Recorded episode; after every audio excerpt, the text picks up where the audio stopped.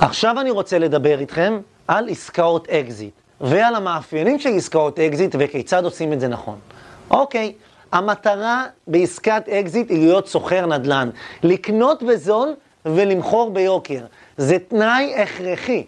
חייב, חייב, חייב לקנות מתחת למחיר השוק, כי המטרה עוד הפעם היא למכור במחיר השוק או מעל. אם אתם לא תמצאו עסקה מתחת למחיר השוק, זה לא עסקת אקזיט וכנראה זה גם לא ישתלם. קודם כל זה דורש המון, המון, המון עבודת שטח, ואתם צריכים להבין שיש המון אנשים שמחפשים את אותו עסקה. אז צריכים להיות פה גם מהירי החלטה. קודם כל, אני ממליץ לראות כמה שיותר נכסים, וכמובן לעבוד עם הטבלת מעקב שאני אציג לכם אותה כעת. זוהי הטבלת מעקב שלנו, אם אתם שמים לב, אנחנו רושמים כתובת שכונה ואת איש הקשר, רושמים שם קומה, אם יש מעלית או אין, כמה חדרים יש, מה גודל במטר מרובע, מצב הנכס בצורה כללית, אם הוא ממש הרוס, זקוק לשיפוץ או נמצא במצב סביר, איזה כיווני אוויר, האם יש שם תוספת כמו מחסן או חנייה, אפילו חצר הייתי מוסיף, כמה אנחנו מעריכים שיפוץ פחות או יותר במידה וצריך שיפוץ, האם הנכס אפשר לקנות אותו מיידי ולקבל אותו, או שיש זמן של פינוי, כן, עד שהדייר הקודם עוזב את הדירה, האם יש חריגות בנייה ואיזה חריגות בנייה יש, מה המחיר המבוקש, מה צפי השכירות, ותשואה כמובן אנחנו נחשב, כמו שלמדנו בשיעור הראשון. נחזור ונבין שצריכים להיות ממוקדים כמו לייזר בעיר ובשכונה אחת. למה אני אומר שצריך להיות ממוקדים? כי ככל שאני אראה באותו אזור, באותו נקודה ספציפית, את אותו סוג של נכס, אני אבין מאוד מהר, על ידי ביצוע הערכת שווי בתוך המוח שלי, האם העסקה היא עסקה כדאית, או בעצם שאלה הם מחירי השוק. למשל, אני אתן דוגמה, אם למשל אנחנו רואים אה, דירת ארבעה חדרים, מפורסמת ב-800,000, אחרי זה עוד דירת ארבעה חדרים ב-800, 820, 830, 790, ולאחר מכן אנחנו רואים דירת ארבעה חדרים באותו שכונה ב-700,000, אנחנו מבינים שיש לנו פה עסקה של 100,000 מתחת למחיר השוק. את זה יכולנו לדעת רק בגלל שראינו מספיק דירות, אספנו את הנתונים בטבלת מעקב שראינו מקודם, וכמובן אספנו את הנתונים, רשמנו, וככל שראינו יותר, הבנו שבעצם התרנו מציאה. עוד משהו שחשוב מאוד מאוד, שזה טיפ שאנחנו מביאים לכם, זה להעלות מודעה פיקטיבית.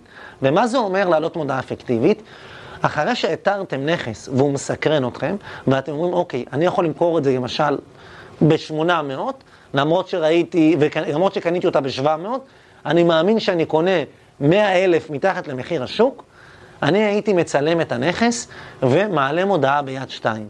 וככה, שם את המספר טלפון שלי כמובן, וככה אני בודק את הביקוש. אני רואה אם באמת ב-800 אלף זה מחיר טוב.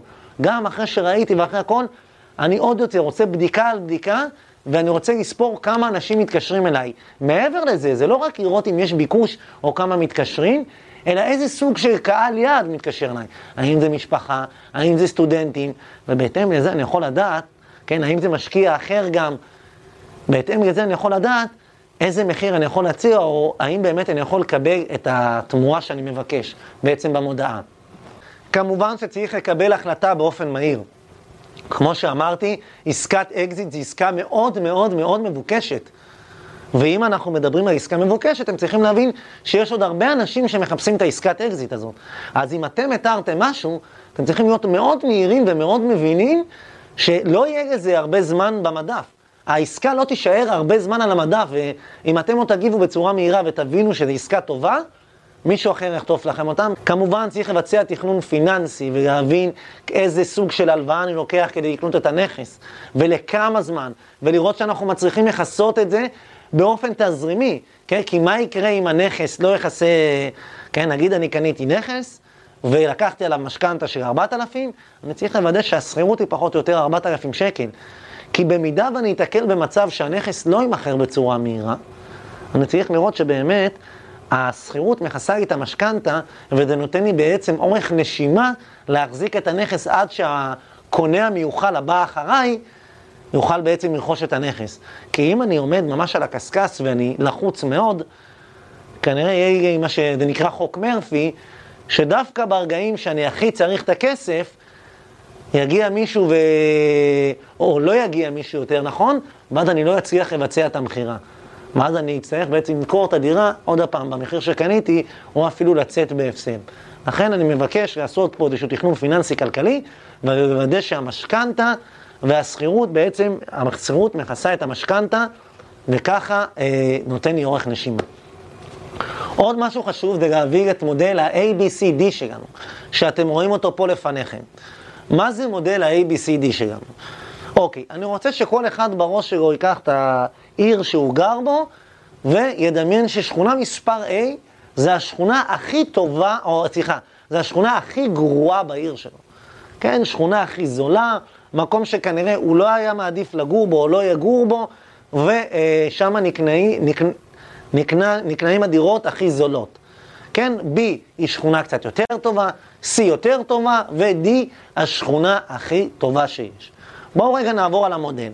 אז אמרנו ש-A זה השכונה הכי גרועה שלנו, אנחנו מדברים שם, בדוגמה שלי לצורך ככה, שיהיה לנו איזה דוגמה מספרית, אנחנו מדברים פה על 500 אלף שקל לדירה, שכירות ממוצעת היא 2,000, תשימו לב שהתשואה הממוצעת היא 4.4, בנייה משנות ה-70, זה בנייה ישנה, אין ממ"דים, כמעט ואין מעליות, מעמד סוציו-אקונומי, כן, מעמד כלכלי-חברתי 3, שזה מעמד נמוך, סוג האוכלוסייה מעורב, ההגירה בשכונה היא שלילית, וההכנסה הממוצעת עומדת על 5,000 שקלים בחודש.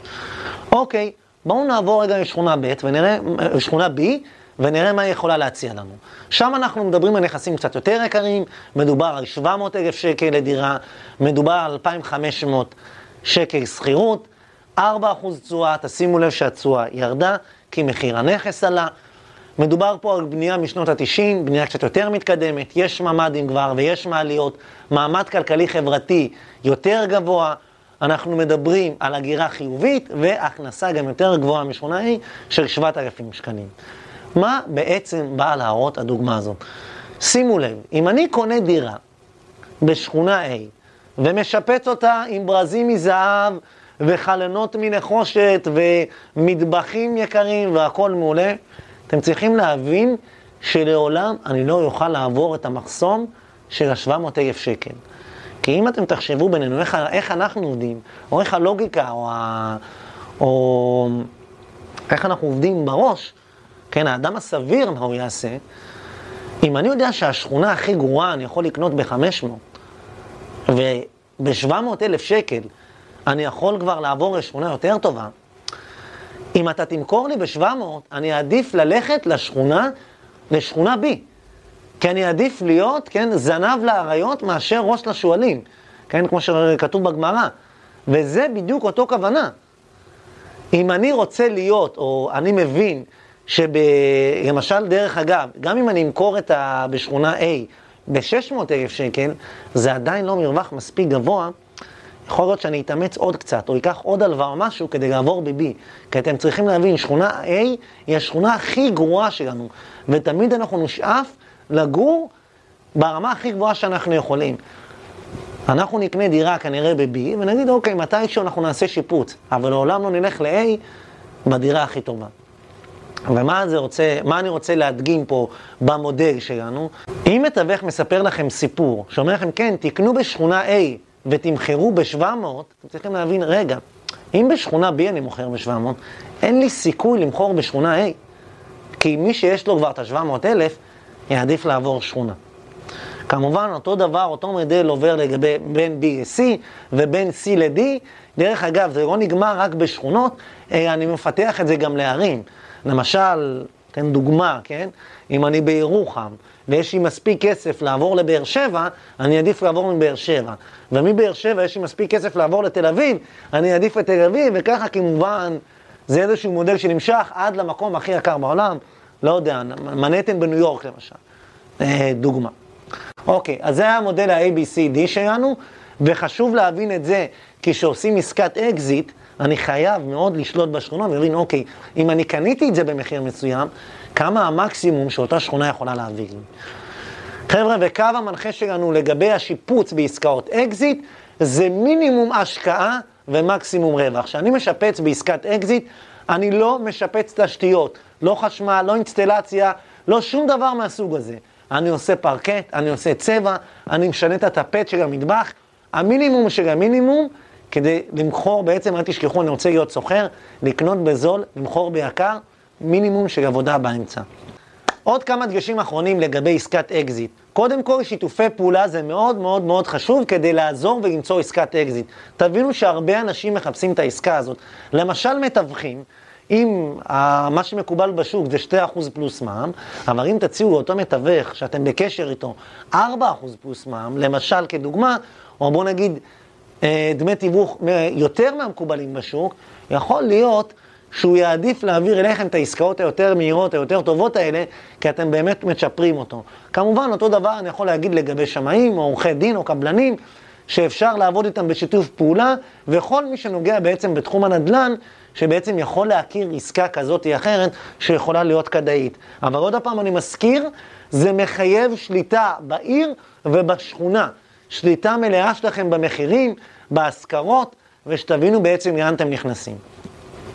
כמובן שעוד משהו חשוב כדי לאתר נכס אטרקטיבי, כמובן להכיר את התוכניות בניין עיר באזור, בעצם את התב"ע, איזה פיתוחים העירייה מתכוונת לעשות, איזה זכויות בנייה יש באזור ואפילו גם בנכס עצמו. תשואה ממוצעת זה מאוד מאוד חשוב, כי ככה לפי זה אנחנו יכולים להבין שנכס מתומחר פחות ממה שהוא שווה, ואז אנחנו מבינים שיש לנו פה מציאה. וכמובן עוד כל מיני תוכניות פיתוח שמשפיעות על העיר, אם זה רכבת, אם זה כבישים, או אם זה מסחר ותעסוקה, כמו למשל קניון חדש, או מתחם מסחרי חדש, או כל נושא כזה או אחר, או פארק למשל, שמקימים בשכונה, או בעיר, או באזור שלנו.